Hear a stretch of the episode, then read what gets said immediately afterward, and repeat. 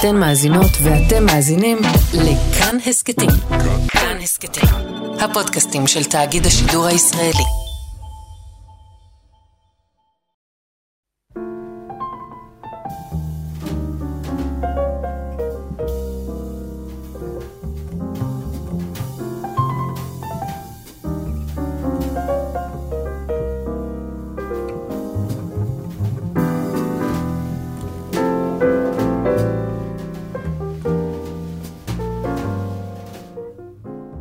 שבת שלום, צהריים טובים, ברוכים הבאים להתבודדות ברדיו כאן תרבות. אני יאיר אסולין, ואיתי דור uh, סהרמן, שהוא פובליציסט ופודקאסטיסט ודוקטורנט שכותב דוקטורט על אשלה, ועוד הרבה מאוד uh, דברים, וביחד uh, נצא השבוע להתבודדות הקבועה שלנו uh, לתוך מה שמבעבע אל עומק המציאות. אל ההקשרים הרחבים, אל התרבות והרעיונות והרגשות שמהם נובע כמעט הכל. וכמו בכל השבועות האחרונים, פחות או יותר, ביחד עם uh, פטירת דור הנפילים והימים הלאומיים והמחאות והכל הסיר הלחץ הזה, אז גם השבוע הזה באמת היה שבוע טעון או טעון במיוחד. ומעניין אותי דווקא לפתוח ככה בלשאול אותך, איך אתה יצאת מיום העצמאות? אז אנחנו מקליטים יום כן, אחרי. כן, אנחנו יום אחרי יום העצמאות. אמ, נגיד ככה, אחרי כבר שכל הסיפור נגמר, אה, היה בסדר. כלומר, איכשהו גם... היית במתח במהלך הזה? הייתי במתח כן? ביום הזיכרון, כלומר, שיא המתח היה מבחינתי ביום הזיכרון. דווקא יום, יום העצמאות זה כבר היה היום ש, שאחרי. מהמם. אה, יום הזיכרון, אה, אני זוכר, זה היה לפני רגע, אני ישבתי מתוח כולי בבית, כזה ממש גם בשעה שלפני הצפירה, ו- ומחכה לעדכונים, לראות מה עומד לקרות בבתי העלמין, מה עומד לקרות בבאר שבע, שם אה, השר איתמר בן גביר אה, הגיע והתעקש עוד אה, נדבר על זה לנאום. בהמשך. ועמדתי, ממש הרגשתי על עצמי איזשהו לחץ, לחץ שלא היה לי מעולם בימי זיכרון קודמים. כלומר, יש, אני לא ממשפחה שכולה מרבה המזל, אבל אז, אז יש השתתפות בצער, יש מחשבות, זה איזשהו יום גם מבחינתי, אני מניח מבחינת גם עוד הרבה אנשים, אה, לאיזושהי התבוננות פנימית, מחשבות, כן, כן. בעד, נגד, לא משנה, כל אחד עם המחשבות שלו, וזה איזשהו יום ש... אתה יודע, שהכל עוצר, ו- מהמם. ויש איזה שהן מחשבות. אמ, ופתאום אתה מרגיש שאתה בתוך איזה סייקל של אקטואליה לוחצת כזו, כמו, כמו כן. במבצע צבאי. ממש, זה, זה התחושות זאת אומרת, לחץ. אה, הגל השקט. זה התחושות לחץ שיש, כשיש לא עלינו, אתה יודע, אה, תהילים מעזה או מהצפון וזה, ואתה במין דריכות כזו, אתה כולך דרוך לראות מה, מה יקרה. ככה הרגשתי ביום הזיכרון. זה אה, מעניין, אתה יודע, אני כאילו הרגשתי, אני מאוד מתחבר לה- לתחושה שאתה מתאר, אבל הרגשתי ברגע שאחרי, שכאילו, ששוב פעם עבדו עליי. כלומר, זו הייתה התחושה הכי, הכי חזקה, שכאילו, אני מרגיש שכבר בשנים האחרונות זה קורה יותר ויותר, שמבטיחים לנו שיש, שהכל מבעבע, ותהיה אלימות גדולה, ויש סכנה, והכל, הניפוח הזה כן. שהתקשורת עושה, כשאתה, כשבפועל אתה רואה שהאנשים עצמם, אפילו עוד, עוד רגע נדבר כן. באמת על באר שבע, אבל אפילו שם, בסוף אנשים ויסתו את, ויסתו את עצמם רגשית די בסדר. כן. כאילו היה פער מאוד מאוד גדול בין ההבטחה, אני זוכר את זה סביב ה... היה, בארצות הברית תמיד הזמן דיברו על זה, אני זוכר שהיה את ההשבעה של ביידן, כן. אז אטמו את החנויות, וזו תמיד הייתה הבטחה לאלימות מאוד מאוד גדולה, שאתה ממש מרגיש שהיא כאילו, היא לא רק שהיא מלאכותית, היא כמעט מניפולטיבית בדיבור עליה. וככה הרגשתי גם הפעם. אני מסכים איתך, אגב, אפרופו, אתה יודע, בארצות הברית היה שם את אירועי... אה, הקפיטול. הקפיטול, בדיוק. שאחרי זה, אה, בהתחלה בארץ, אה, השמאל טען, זה היה כאילו קצת כמה חודשים אחר כך הייתה ממשלת השינוי, ואז אמרו, בטח הימין יעשה פה כמו אירועי מהמם. הקפיטול, ואני טענתי, הוא לא יעשה אירועי קפיטול. עם כל הביקורת של הימין, זה לא יקרה, וזה אכן לא קרה. ואז כמובן, כשהתחלפו והגיע הימין חזר לשלטון, אז גם טענו בימין, עכשיו השמאל יעשה כמו אירועי הקפ- הקפיטול. לא, אני אומר אפילו, כאילו, אפילו אירועי יש איזה- הקפיטול, אפילו אירועי הקפיטול, הם פחות גדולים ממה שאנחנו מספרים אותם. אתה יודע, כאילו, גם היום כשמדברים על זה, זה אירוע שהוא דרמטי, ואפילו נהרגו שם אנשים, אבל... והסמליות שלו היא גדולה, אבל עדיין ביחס למה שדיברו שיהיה, שכל ארצות הברית תבער, ואנשים... אני זוכר שהבורסות הרי ירדו בימים לפני ההשבעה, כי הולך להיות משהו מאוד מאוד גדול, ואלימות מאוד מאוד גדולה, וזה לא קרה. כן, חשבו במונחים מלחמת אזרחים, ובסוף היה לך איזשהו אירוע... אפשר לקרוא סוג של אירוע טרור נקודתי. בדיוק. וכאילו סתם, אני, אני כאילו מסמן את הפער הזה, כי אני מרגיש שאנחנו, אפרופו לשבת ולהקשיב ל, לרדיו באמת ביום הזיכרון באיזה מתח, אנחנו שוכחים אותו. שוכחים כן. קצת את ה... זה שכל פעם מחדש, אנחנו, לפחות אני, נופל לאותה מניפולציה. אז באמת נדבר היום על, אה, על אה, בן גביר ובית עלמין בבאר שבע, ונדבר גם על היום הולדת להרצל, שזה דבר מדהים שהוא כן. קורה סמוך ליום העצמאות. מדהים.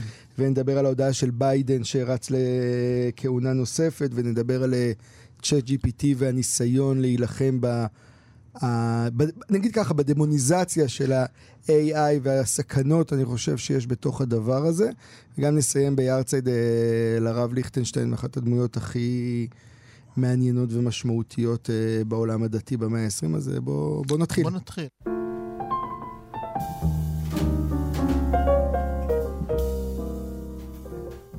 אז באמת האירוע שלחד את תשומת הלב שלי השבוע, אירע ביום הזיכרון, אירוע שגם כואב להגיד, ציפו לו. כלומר, הוא עמד בראש אה, אה, המערכות העיתונאיות, הגעתו של השר בן גביר והנאום הצפוי, אחרי שכמה שרים אחרים, או סגני שרים, נמנעו מלבוא ונענו לבקשת אה, חלק מהמשפחות השכולות. Mm-hmm.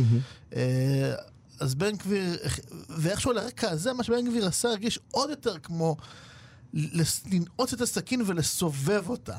כי אני חושב, בעיניי, גם כשהיה על זה הרבה דיונים גם ברשתות וכולי, למה יש פתאום התנגדות לכל פוליטיקאי שלא שירת בצבא, והראו משנים קודמות שבאמת נגיד בא ליצמן שהיה שר, או באו פעם נציגים של יהדות התורה, זה היה בעיקר יהדות התורה, כן. בתכלס, כי, כי הש"סניקים ברובם שירתו בצה"ל. אה, וליכוד וכולי. ובטח הציונות הדתית ובטח הציונות הדתית והליכוד כן. וכולי, על העשור האחרון של שלטון ימין. אה, הסיפור הוא בעיקר יהדות התורה, ובאמת ליצמן ייצג, וזה לא עורר מעולם איזושהי אה, התנגדות. ואני אמרתי שבעיניי, ברור שזה לא, כלומר זה גם כל הסיפור עם חוק הגיוס וזה, אבל, אבל זה לא סתם שהסימן, שה, אני חושב שהפוליטיקאי שסימן את העניין הזה היה איתמר בן גביר וסביבו. מה זה העניין הזה? העניין הזה של מי יבוא וינאם, אה, מי mm. יהיו נציגים שלה שיבואו וינאמו. אני חושב שהסדין האדום המרכזי היה בן גביר, וסביבו כבר נבנה איזשהו הסבר שאמר, כזה לא, כי אנחנו מתנגדים לכל פוליטיקאי שלא שירת בצה"ל, למרות שאין דין סגן השר טסלר כמו איתמר בן גביר. מבחינת, אני מדבר איתך, האמוציות שהוא מעורר בציבור הישראלי. כן.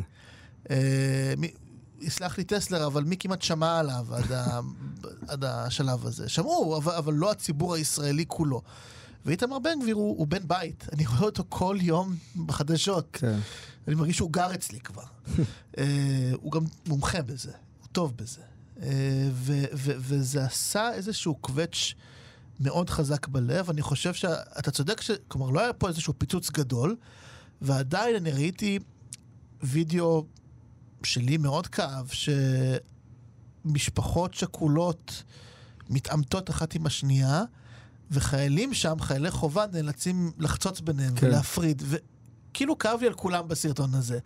כאב לי על משפחה מצד אחד, כאב לי על משפחה מצד השני, וכאב לי גם על החיילים.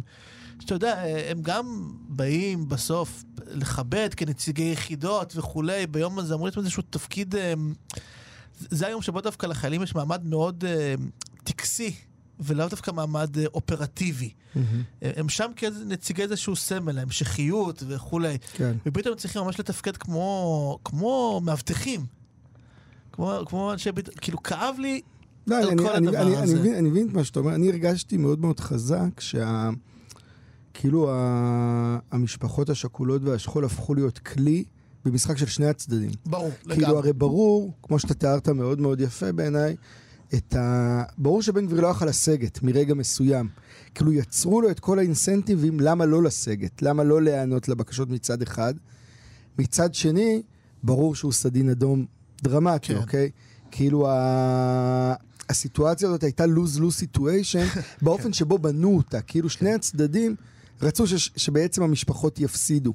וזה בעיניי הרגע הזה שבו, דיברנו פה לפני כמה תוכניות על, ה, על הרמדאן. ואיך הרמדאן, החג הזה, שהוא חג של חזרה בתשובה ומסעות פנימיים וכל הדבר הזה, הפך להיות על ידי בעלי אינטרסים מכל מיני צדדים וכיוונים, לחג של אלימות, כן. וחודש של אלימות וכולי וזה. ואני מרגיש שאותו דבר קרה פה. כאילו יש משהו ב... בפרט... או נגיד זה ככה, נגיד זה אחרת. מה שהתגלה הפעם זה שה...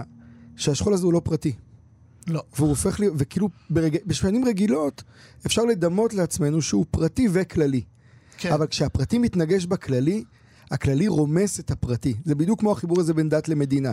כשדת ומדינה מתקיימות ביחד זה אחלה. כשהדת פתאום מאיימת על המדינה, המדינה רומסת אותה.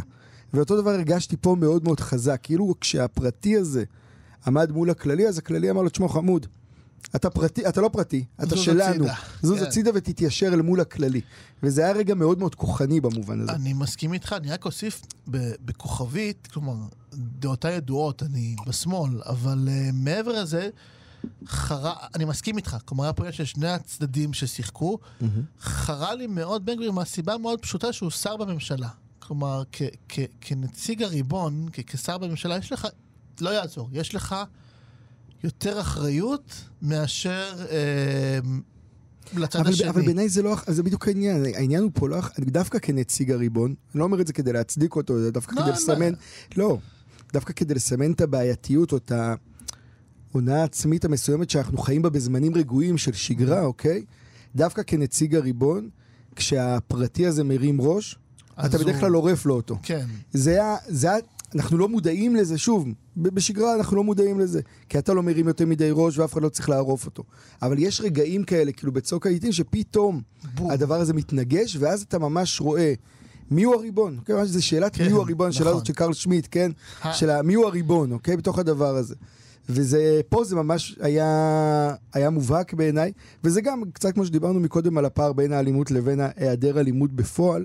אני חושב שזה, אני מרגיש שזה גם דבר שכאילו, לי לפחות מאוד מאוד חשוב לסמן. ת, תזכרו, הדיבורים האלה הפרטי וכללי הם אחלה, אבל כשזה מתנגש, אז uh, תמיד יהיה את הצד הזה היותר חזק כן. בסיטואציה. זהו, עכשיו אני רק אגיד ל- ל- לסיום העניין הזה, אמ, אני באותו יום פתאום מצאתי את עצמי אה, שם בפטיפון אה, את התקליט של אה, מלכת אמבטיה, של חנוך לוין. Mm. אה, עכשיו, לכאורה החיבור ברור, כ- מלכת אמבטיה זה, זה באמת, זה מחזה, אגב, שככל שאני מתבגר, אני מבין יותר את, ה, את הקוצניות שבו ואת האכזריות שבו. כלומר, כשנחשפתי לראשונה לשירים האלה בגיל 16, חשבתי כזה, וואי, מגניב, איזה חתרני, איזה זה, כן. אתה, אתה מחפש את, את המרד ואת הביקורת וזה. והיום, אני, אני עדיין מאוד אוהב את התקליט, אבל אני מאוד אה, רואה את האכזריות החנוך לוינית שם. האכזריות לחיוב או לשלילה, אתה אומר? או... אה, גם וגם, אוקיי, גם וגם, אוקיי, גם אוקיי. וגם. כאילו, זה, זה יפה, זה נוקב, זה חשוב, אבל באמת שיש שם את הפזמון כנראה הכי, שעדיין, הוא כתב אותו לפני 50 שנה, והוא רק הולך ונעשה נוקב של הבן ש... המת, ששר לאביו השכול. ישראל גוריון. נכון, בדיוק, אבי היקר כשתעמוד על קברי, והוא, והוא אומר לו, ואל תגיד שהקרבת קורבן, כי אני זה ששם, כאילו, כי אני נמוך מאוד אבי. אה, והוא אמר לו, אל תדבר מילים גבוהות, כי אני מאוד נמוך כן. אבי. זה, זה, זה אמירה קשה כל כך כלפי אב ש... הבן, הבן המת בא בטענות לאביו השכול. זה, זה אכזרי גם היום. זה, זה מאוד קשה לשמוע את הדברים האלה. אבל אני חזרתי למחזה הזה דווקא מאיזושהי בחינה אחרת, שאני חושב שמה שלוין מאוד באמת מראה שם, זה גם את חוסר התוחלת הכללית שיש במלחמה, אבל גם באמת את השימוש שאתה יכול לקרוא לזה השלטון, אתה יכול לקרוא לזה גם הצד השני, או כולנו, אפילו הציבור, עושה שימוש אה, בשכול. אה, למטרותיו, כל אחד מסיק מזה את המסקנות איכשהו שברורות שמשרתות מראש. אותו. גם אני. כלומר, זה כן. לא, אף אחד לא זה. וחנוך לוין, במראה שהוא הציג, זה לא דווקא מראה של שמאל בעיניי, כמו שזה איזושהי מראה, אני לא יודע, כמעט ניהליסטית, אבל זה לא, זה משהו אנושי דווקא. מראה שאתה בסוף ניצב מול המוות, מול אנשים שמתו, ו- ואתה צריך לשאול את עצמך לשמה ועל מה ומה ההשלכות של זה, וזה משהו שרובנו לא מתמודדים איתו. ובעיקר אתה צריך, אני חושב, להיות כאילו חסר, כשאתה עומד מול המוות, אתה צריך לדעת כמה אתה לא יודע. בדיוק. ולא כמה אתה יודע. בדיוק. חנוך לוין מחייב אותך, כי הוא מאמת אותך ישירות במפגש הזה מול האלימות המלחמתית, והוא נותן, מנחית את זה עליך בלי רחמים. ואם אתה לא נער מתלהב בן 16, לאדם מבוגר יותר, אתה נדרש פה לחשוב מה זה אומר על המפגש הזה. ופתאום הסתכלתי על המחזה הזה לגמרי אחרת כמו מאשר איך שהסתכלתי עליו שנים לפני.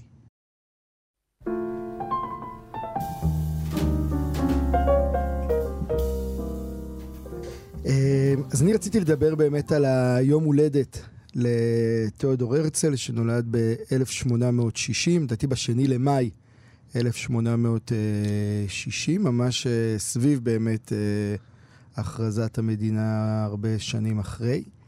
ורציתי לחזור ולדבר עליו דרך ספר שאני, אני אישית מאוד אוהב אותו, זה לא יודע אם זה פוליטיקלי קורקט או לא בימינו, אבל ספר שנקרא חמש תוות הציונות, שזה חמש מסות של בן ציון נתניהו, שכתב אותם ממש בזמן אמת שלו, אה, שנות ה-30 וכולי. Mm. אה, שאני חושב שזה מיטב הכתיבה ההיסטורית שלו, בעיניי הרבה יותר מהמחקר האנוסי ויהודי ספרד וכל הדבר הזה.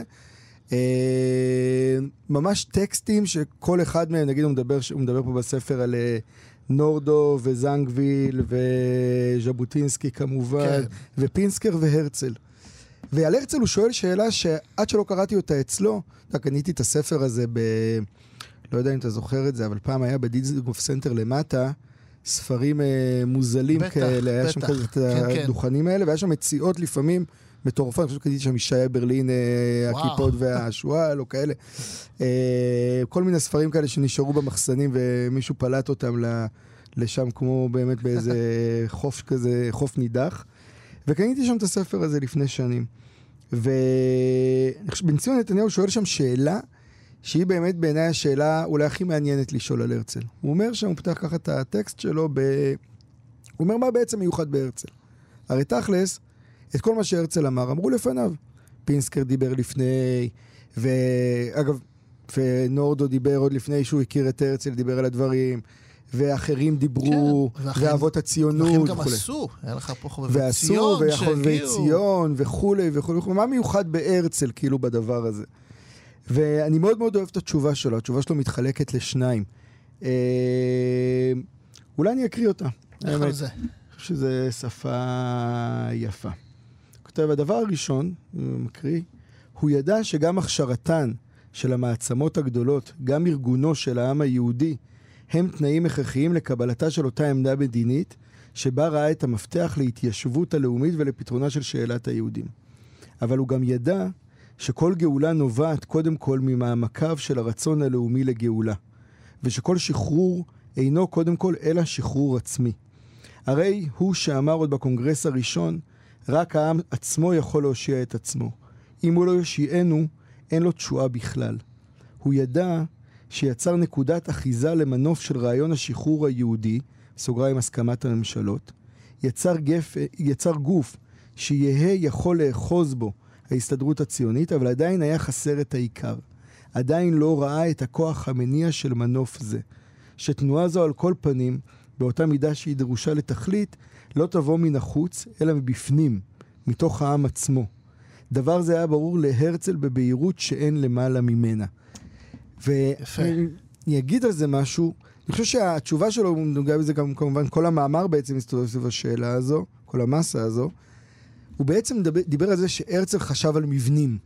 בשונה מחובבי ציון שחשבו על עוד עז ועוד כן, בית בתהליך uh... תהליך מצטבר כזה, הרצל אמר שלא יהיה לנו מבנה. כן. עד שלא יהיה לנו איזו תוכנית ובריתות עם המעצמות. ומצד שני, עד שלא יהיה לנו כוח מניע מאוד מאוד חזק פנימי, עד שכאילו לא נייצר את שני הדברים, אין טעם בכלל. כאילו זה לא יקרה. כלומר, בשונה מפינסקר או מאחרים, הרצל הבין שעד שלא נייצר את הקונסטרוקציה, לא נוכל כן. בכלל לדמיין. ובעיניי זה דבר שהוא מאוד מאוד מרשים כשאתה חושב על הרצל, כשאתה קורא את הביוגרפיות שלו וכולי. כי הרבה יותר קל לדבר על מה לעשות, מחר בבוקר, מה אנחנו עושים, כאילו, על הטקטיקה. כן. ופתאום מגיע הבן אדם הזה, שלדעתי בגלל זה כולם שנאו אותו, אוקיי? ומתחיל לדבר על איזו אסטרטגיה מאוד מאוד רחבה ומורכבת. מדבר גדולות ונפלאות. גדולות ונפלאות את- ומפחידות. מפחידות, אני חושב שאתה יודע, זה מעניין, אנחנו קוראים להרצל חוזה המדינה.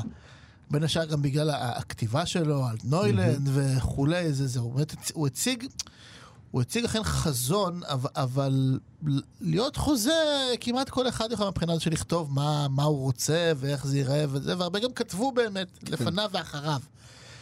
הוא לא מיוחד בזה. תגיד שגם זה, זה החלק החלש שלו. ב- כן, מעניין מה שאתה אומר. באמת, אה, תחשוב על זה, כאילו בסופו של דבר, אני חושב שההישג לא, הגדול... אין ספק שאת נוילנד לא נראית, מדינת ישראל לא נראית. ככה, אבל... לא, גם יש אה, הרבה באמת נקודות עיוור. נכון, נכון, הכוח שלו נכון, לא היה בזה. ברור, זה יותר איזה אוטופיה אירופאית מאה ה-19 בדיוק. מאשר אה, כל דבר אחר. אני כן חושב על שהכוח שלו, ומה שהקראת פה, שבנציון נתניהו מעניין, אגב, בעיקר כשחושבים על, על הבן שלו, ובכוונה אני אומר את זה, כי, כי עולה פה דמות של הרצל כמנהיג עממי, ואנחנו לא נוטים לחשוב על הרצל כאיש כזה. גם כשמראים, אתה פוגש את הרצל בגן, בכיתה א', בכיתה ג', אומרים לך, זה חוזה המדינה, הוא כתב ספר, הוא עשה את הקונגרס הציוני הראשון, והלך לעולמו מוקדם, מה לעשות? כן. אני חושב שהבחינה הזאת יש פה איזה פוטנציאל מפוספס, באמת כי הוא הלך לעולמו מאוד מוקדם, של הרצל כ- כמנהיג ההמון היהודי.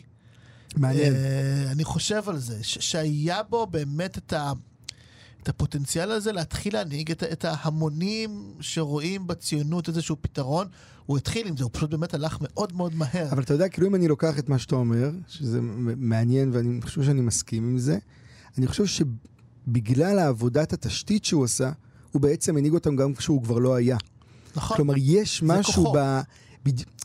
הרי בעצם, בעצם הרצל הוא אבי הפרדיגמה הציונית, אוקיי? זה בעצם, אני נכון. חושב, אולי הדבר הזה. הוא הציע הרי תשתית שלתוכה כולם, בן גוריון יכל לעבוד בה וז'בוטינסקי בדיוק, יכל לעבוד בה. כולם אבל- אמרו שהם ממשיכי דרכו של הרצל בדיוק, בעצם. זה בדיוק. זה היופי. לחלוטין, זה הדבר המדהים, שהוא בזמן אמת קשה לחשוב אותו. כי שוב, כן. בזמן אמת הרבה יותר קל להיות חובבי ציון. נכון. הרבה יותר קל להגיד, טוב, אז מה עושים מחר בבוקר?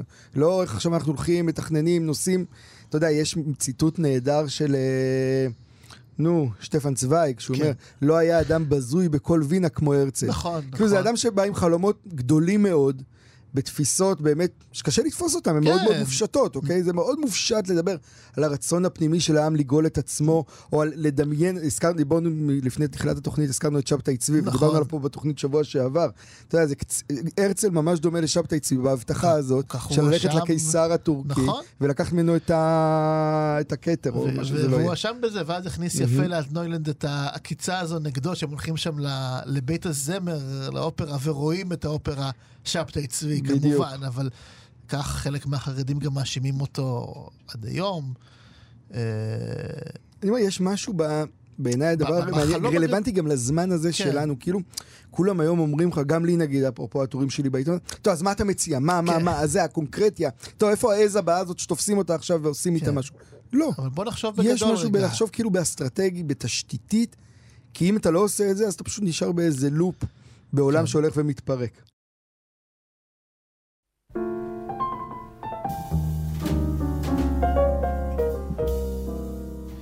טוב, הדבר הבא, שהוא גם טרי טרי מהשבוע, אה, מעבר לים, הנשיא ג'ו ביידן שחרר הודעה רשמית, נשיא הברית, אני אתמודד. בן כמה?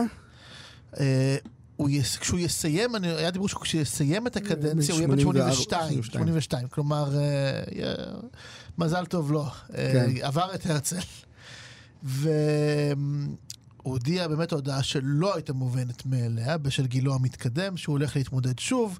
ולמה זה תפס אותך? אה, זה תפס אותי קודם כל כי אה, בהודעה הזו הוא מדבר שם הרבה על המונח הזה חירות, הוא מדבר על הפרי... כן, פרידום, זה דבר שמאוד חשוב לאמריקאים, האתוס האמריקאי בנוי על זה, ואני חושב שזה חשוב ספציפית במקרה של ביידן, כי הוא בא בעצם כנציג מחנה השמאל לצורך העניין, והדמוקרטים, המפלגה הדמוקרטית שבין השאר גם נהנית מאיזו תנופה פרוגרסיבית מאוד גדולה, ויש שם אגב פרוגרסיבי חזק מאוד. חלקו גם ביקורתי לישראל, חלקו לא, כן. אבל... אה, והם נורא שמים את הדגש של ערכים אחרים, כמו צדק, כמו שוויון, כלומר, זה מה שמוביל אותו. בעוד שאנחנו רגילים לחשוב על החירות יותר כנושא שמאפיין באמת את הימין, בוודאי את הימין האמריקאי, כן? אה, אל תיגעו בשטח שלי, מעניינת. אל תיגעו בשטח שלי, אל תיגעו במיסים שלי, אל תיגעו בזה וזה וזה וזה. זה, זה חלוקה כמובן דיכוטומית, שחור לבן, אבל אפשר להגיד שבגדול... Mm-hmm. אה, הימין האמריקאי מדבר חירות והשמאל האמריקאי מדבר צדק שוויון, ועל זה ההתגוששות המחלוקות הפוליטיות. וביידן בא ומדבר באמת בגילו המתקדם על הנושא הזה של חירות, כשברור שהוא קורץ פה לבייס שלו, כלומר, וגם לאיזשהו בסיס של שמאל, גם לאיזשהו בסיס של מרכז, שהוא הצליח כבר להשיג בפעם הקודמת, בזכות זה הוא ניצח בעצם את דונלד טראמפ. אתה יודע, דיברו על זה שבעצם הבחירות האמריקאיות אה, לנשיאות, שביידן ניצח את טראמפ, קראו לזה הגל הסגול. למה? בדרך כלל יש או גל כחול דמוקרטי או גל אדום רפובליקני. פה קרה הגל הסגול, מה קרה? התערבבו להם. בעצם רוב המדינות בחרו בביידן, אבל יש הרי גם במקביל בחירות ל... לקונגרס וזה, מבחינת קונגרס וכולי, המדינה נצבעה יותר באדום. וכך נוצר לך גל סגול. כלומר, שלנשיא בוחרים אה, דמוקרט, אבל, אבל בקונגרס וכולי עדיין יש שליטה לא די גדולה לרפובליקנים. אה, למרות שעדיין הדמוקרטים זכו באיזשהו רוב דחוק, אבל בכל זאת, כלומר זה לא שהארץ נשטפה, כשאובמה נגיד זכה ב-2008, ארה"ב נשטפה בגל כחול, כן. כשטראמפ כן. זכה זה היה גל אדום. ופה היה לך איזשהו כזה, כלומר, מה בעצם היה לך פה? היה לך פה גל של הרבה מאוד אמריקאים כנראה, שהם נקרא להם כנראה סוג של ימין מתון, מרכז, שם הם אוהבים את המונח עצמאי, גם mm. זה מאוד אמריקאי. לא תגיד שאני במרכז, אני עצמאי, אינדיפנדנט, כן. כאילו, לא תתפוס אותי באף מחנה, אפרופו. Uh, אבל כלומר שזה אנשים ש, שמדברים איזושהי שפה כפולה כנראה, או שהם מבינים באיזשהו מקום שביידן רוצה להבטיח להם איזושהי חירות שהיא בסיסית יותר מהחירות על... גובה המיסים, או, או חוקי החזקת נשק או משהו כזה, או כל הדברים שהאמריקאים אוהבים נורא לריב עליהם, שאנחנו, ברוך השם, לא רבים עליהם פה, יש לנו מספיק צרות משלנו. אה, כאילו איזושהי מין חירות מאוד בסיסית הוא מציע שלא, שלא תיפגע. אה, עכשיו למשל, הנושא הכי בולט זה נושא ההפלות, ששוב, בארץ, כאן המצב הוא אולי לא מושלם, אבל מה שקורה בארצות הברית זה... לאין ארוך. זה, כן. זה, זה מטורף, ואתה רואה שם שגם במדינות אדומות לגמרי, רפובליקניות, אמ, יש, בקנזס, יש מקום שאתה יודע, שמרני, אתה מדמיין כזה את כל החוות שלהם וזה, ויש שם רוב אה, בעד ההפלות. ש, ש, כלומר, באיזה שהן סוגיות מאוד קריטיות של uh, חיים ומוות, ש, ש, של uh, נשים שחס וחלילה עברו גם איזושהי התעללות מינית וכתוצאה מזה נכנסו להיריון, uh, קטינות וכולי. שם יש איזשהו מונח מאוד בסיסי של, של חירות הגוף, חירות כן. הנפש, שאני חושב שעל זה ביידן מצליח לנגן להרבה אמריקאים. באמת זה מעניין, כי בעצם מה שאתה אומר, שאני חושב שזה נכון אגב לגבי הפוליטיקה ברוב העולם הערבי, שסוגיות, שכאילו ה, ה, החלוקה או הגדרת הזהות היא כבר לא... היא כבר, היא קודם כל היא לא מובנת מאליה. ממש לא. זה אחד, כאילו שכל החלוקות האלה באמת התפרקו, על זה דיברנו פה הרבה ואנחנו מדברים כל הזמן. אבל יותר עמוק מזה, שאף אחד כבר לא מצפה מהפוליטיקאי שלו להביא פתרונות גדולים לבעיות. רוצים את המינימום של... תן לי את המינימום של מעניין. המינימום של המינימום. כאילו הורדת הרף כן. לאיזשהו משהו מאוד מאוד מאוד בסיסי, שיהיה אותו. עם השאר אנחנו נסתדר, לא צריכים אתכם. באמריקה, אגב, זה מן הסתם יותר הגיוני מאשר פה, אבל זה אני חושב גם נהיה יותר ויותר השיח הישראלי של אל תדבר איתי עכשיו על פתרונות לפה, לזה ולזה. תביא לי את המינימום של המינימום של המינימום, היום נגיד זה נקרא דמוקרטיה, או לא משנה כן. איך זה מוגדר. אה, והשאר אנחנו נסתדר כבר, נרוץ קדימה. וזה כאילו, זה מעניין כי זה פותח את המשחק.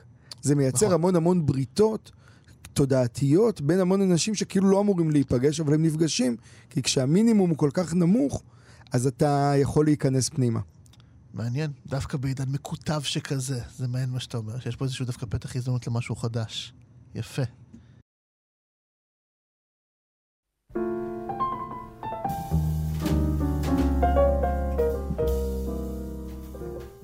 אחת התופעות שבאמת אנחנו נוגעים פה בתוכנית הרבה, והיא רק הולכת ומתעצמת ומבעבעת, זה כל התופעה הזאת של ה-AI, של ה-artificial intelligence, אה. אינטליגנציה מלאכותית, וספציפית בחודשים האחרונים, או בשנה האחרונה כבר, נגיד, יש את כל הדיון הזה של הצ'אט, אה, צ'אט כן. GPT, כל המנועי אה, חיפוש האלה, כן. מבוססי AI.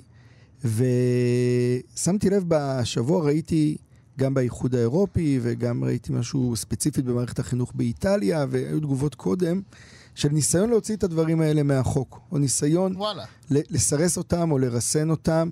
לדעתי במדינת ניו יורק, אגב, אסור להשתמש בצ'אט GPT בבית ספר, כבר ממש מההתחלה, אה, אפרופו לאי חירויות, כן או לא. אה, ואני רוצה לדבר על זה, כי בעיניי זה אחד הדברים, אנחנו נשאבים כל הזמן ל- לפרטים הקטנים של הסוגיות שלנו, כן. הישראליות, שבחלקן הן אה, יותר מעניינות מחשובות, נגיד ככה, או יותר מוכרות לנו ממשמעותיות ומעצבות את עתידנו. ואנחנו שוכחים את הסוגיה הזאת שהיא בסוף, הסיפור הזה של המהפכה הטכנולוגית והטכנולוגיה ומה שהיא מביאה, זה הדבר הכי גדול שהכל אולי אגב הוא ביטויים שלו, של הדבר הזה. ואני רק רוצה להגיד על זה שכל האשליה הזו, שיהיה ניתן לרסן או לסרס אפילו, שאני חושב שזו אחת המוטיבציות היותר עמוקות, את החלקים גדולים מה- מה- מהמהפכה הזאת דרך כלים של רגולציה וחקיקה וכאילו כוח ישן מה שנקרא, אני חושב שזו אשליה שהיא מאוד מאוד מסוכנת. ואני אגיד למה היא מסוכנת בעיניי, כי כדי לעשות את זה, אתה באמת תהיה חייב לפגוע עמוקות בחירות של אנשים. דיברו את זה בזמנו, לפני שנתיים השיח היה סביב הרשתות החברתיות, בדיוק אותו שיח, זה מסוכן, זה הורס כן. אותנו, בואו נסרס את הרשתות החברתיות. אגב, נגיד בסוגריים, שעכשיו יש את כל הסיפור הזה עם הטיק טוק, וגם באירופה וגם בארצות הברית. נכון, נכון. ובמתח הזה בין סין למערב. אה, אני רק אומר שהדרך היחידה להתמודד עם מהפכות גדולות, ההיסטוריה מוכיחה את זה. אגב, נגיד שני דברים על ההיסטוריה. אחד, כולם תמיד מנסים לסרס את המהפכות הגדולות שמגיעות, ומנסים לשמר את הכוח שלהם במנגנונים אחרת וכולי. זה לא מהפכה. בדיוק, אחרת זה לא... אם לא מנסים לסרס את זה, אתה לא עושה. שום מהפכה. יפה, יפה. אז באמת אולי אחרת זה לא מהפכה. ושתיים, הם תמיד נכשלים בסוף. כי הדברים האלה מחלחלים כל כך פנימה, והקיום האנושי, יש לו עמידות הרבה יותר גדולה ממערכות כוח שמנסות אולי להאט או לשבש, אבל לא באמת יכולות להרוס. וזה דבר מסוכן בעיניי. אני כאילו קורא לו, כתבתי על זה טור לפני שנה וחצי או שנה, הפשיזם החדש. Hmm. יש משהו בדמוניזציה של הטכנולוגיה ובניו ספיק, כמו שקרא לו אה, אומברטו אקו, ובסימני הפשיזם החדש כלפי הטכנולוגיה, ועוד כל מיני סימנים כאלה, שיש פה סכנה, סכנה של המון גופי כוח ב... אתה יודע, היה את הדיון, עוד דיון ששכחנו שהיה דיון מרתק, והוא עדיין קיים ורלוונטי, זה הדיון על סביב הביטקוין, כן. כן? ואז בזמנו... שאני עד היום לא מבין. כאילו, עד היום. לא מבין את הביטקוין? אני איש של מילים, אני עד היום לא לא הצלחתי... אבל לא, דווקא יש- בגלל ש- דווקא לא, יש לי שאתה חברים איש של מילים. שמשקיעים וכולי וזה, ואני... אה, אבל דווקא בגלל, שאתה איש. דווקא בגלל שאתה איש של מילים, זה בדיוק זה, כי ה...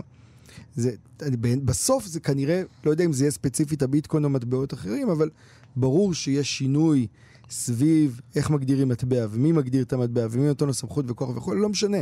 היה בזמנו, בלהט הדיונים האלה, היו ממש דיבורים על להוציא את הביטקוין מחוץ לחוק. כן. עכשיו, התהל... המהלכים האלה הם כאילו, מה מסוכן בהם? שהם מהלכים פיקטיביים. כי זה שהוצאת אותו מחוץ לחוק לא אומר שהוא לא קיים. הוא כן. יהיה קיים מחוץ לחוק. וממילא הוא ממשיך לחלחל ולפורר כל מיני דברים. אז הדרך באמת, אני חושב, להתמודד, וברור שיש המון אתגרים במהפכה הטכנולוגית והמון אתגרים ב-AI והמון סכנות והמון דברים, זה להיכנס פנימה ולעצב את זה למקומות טובים, לא לנסות לסרס את זה או לעצור את זה בדרך מלאכותית כזו. אני חושב שאתה נוגע פה בשאלה מאוד מאוד מעניינת, אה, ואם אני לא טועה, גם באחת התוכניות הקודמות שלך, אה, הוקרא הסיפור בשער החוק של אה, קפקא. נכון. כן, שזה גם סיפור שאני מאוד מאוד אוהב. פעם התייחסתי אליו בהסכת שאני לומר את שמו שעשיתי פה בתאגיד, כי גם מאוד השפיע על החשיבה שלי על מהו החוק או מהות החוק, ואני חושב שזו השאלה שבעצם עומדת לפתחנו. יותר מהשאלה הטכנולוגית, יש פה איזושהי שאלה של מה החוק אמור לייצג, מה אני עושה כשאני מחוקק חוק, ו... ו- אם באמת, כמו שאתה אומר, אני בעצמי עוד מלא מחשבות על זה, אם AI, כלומר, מל- זה כל כך מלהיב את הרוח האנושית. אה, יש איזה, אתה יודע, יש איזה וידאו שמסתובב עכשיו של יזהר אשדוד, המוזיקאי, כן. הוא חמוד, הוא מראה איך הוא ממש מצליח לעבוד עם הצ'אט וליצור יחד איתו מוזיקה, זה מעניין מאוד. אה, ואני לא אומר שנבהלים שזה יחליף אותנו ויפטרו אותנו, ואני לא שם. אבל זה כן מהידע שלה, כלומר, אם יש לך משהו שכל כך מתלהבים ממנו וכל כך גם אוהבים אותו וזה, אתה, אתה כמו שאתה אומר, אתה בחיים לא תצליח להוציא דבר כזה מהחוק באופן נורמטיבי. Mm-hmm. כי החוק אמור כאיזשהו אידיאל כן לבטא איזושהי נורמה של הציבור. עכשיו, זה נכון שאתה יכול לפעמים... לעצב נורמות מחדש עם חוק, אבל השאלה היא כמה גדול החוק, כן? אם ניקח למשל חוק יפה מאוד, שבאמת העביר אותו, אני חושב, לפני כמה שנים של יחימוביץ', זה, זה, זה החוק ש, שחייב לתת לקופאיות לשבת. כן. Uh, חוק אנושי, בסיסי. זה, זה, זה עבר טוב כי, כי, כי הוא כבר קרה לאור נורמה הומניסטית שאנחנו מאמינים בה. אני חושב שהוא ענה לצורך רגשי מהמציאות. בדיוק, בדיוק. הוא ענה לנורמה כל כך בסיסית גם, מול mm-hmm. נורמה של, שלא יודע מה, של רווח ושיזוזו מהר, וזה נורמה בסיסית של תן לבן אדם לשבת כשהוא עובד שמונה שעות. כן. Uh, בעבודה שהוא לא מרוויח בה גם הון תועפות, בוא. Uh, אבל, אבל, ועם זאת, הוא גם בתורו, כן, עיצב מחדש את הנורמה, ופקח לנו עותיים, ואמרנו בואו תשימו לב לעוד עוולות ודברים כאלה שקורים. כלומר, חוק כן יכול... לעצב ולחדד. אני חושב שהבאת דוגמה מעולה בעיניי, כי היא בדיוק ההפוכה. בדיוק. היא נענתה למשהו מתוך המציאות, מתוך הרגש האנושי, ומסגרה אותו כחוק. אבל חוק שמנסה לכפות על המציאות משהו בניגוד. ב-180 מעלות גם. בדיוק. ב-180 מעלות הפוך מהמגמה של המציאות, זה המקומות שבהם לא רק חוקים נכשלים, אלא הם הופכים להיות מסוכנים. בדיוק. שזה הדבר היותר גרוע בהם. קשה לזה בסדר, אבל זה שזה נהיה מסוכן, שם הדבר הבעייתי באמת נמצא.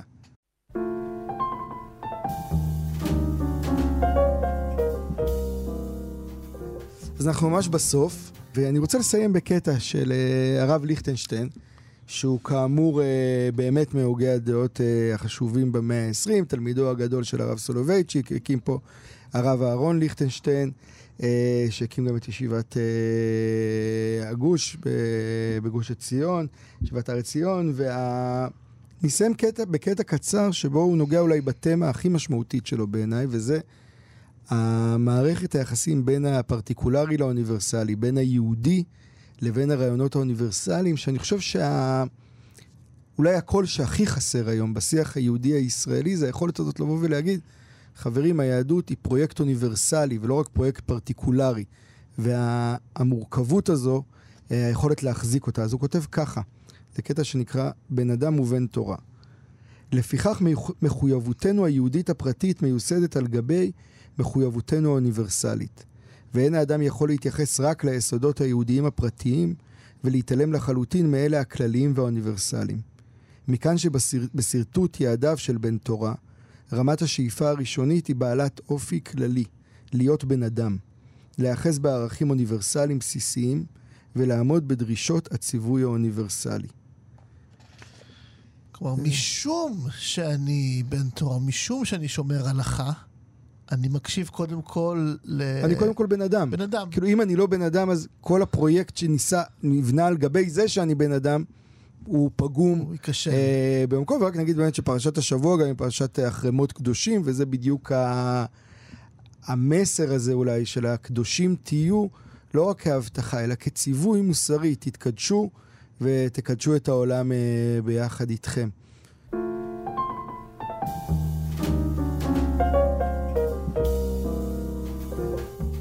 תודה רבה דור שהיית. תודה רבה לך שהערכת. שבת שלום, בשורות טובות. שבת שלום.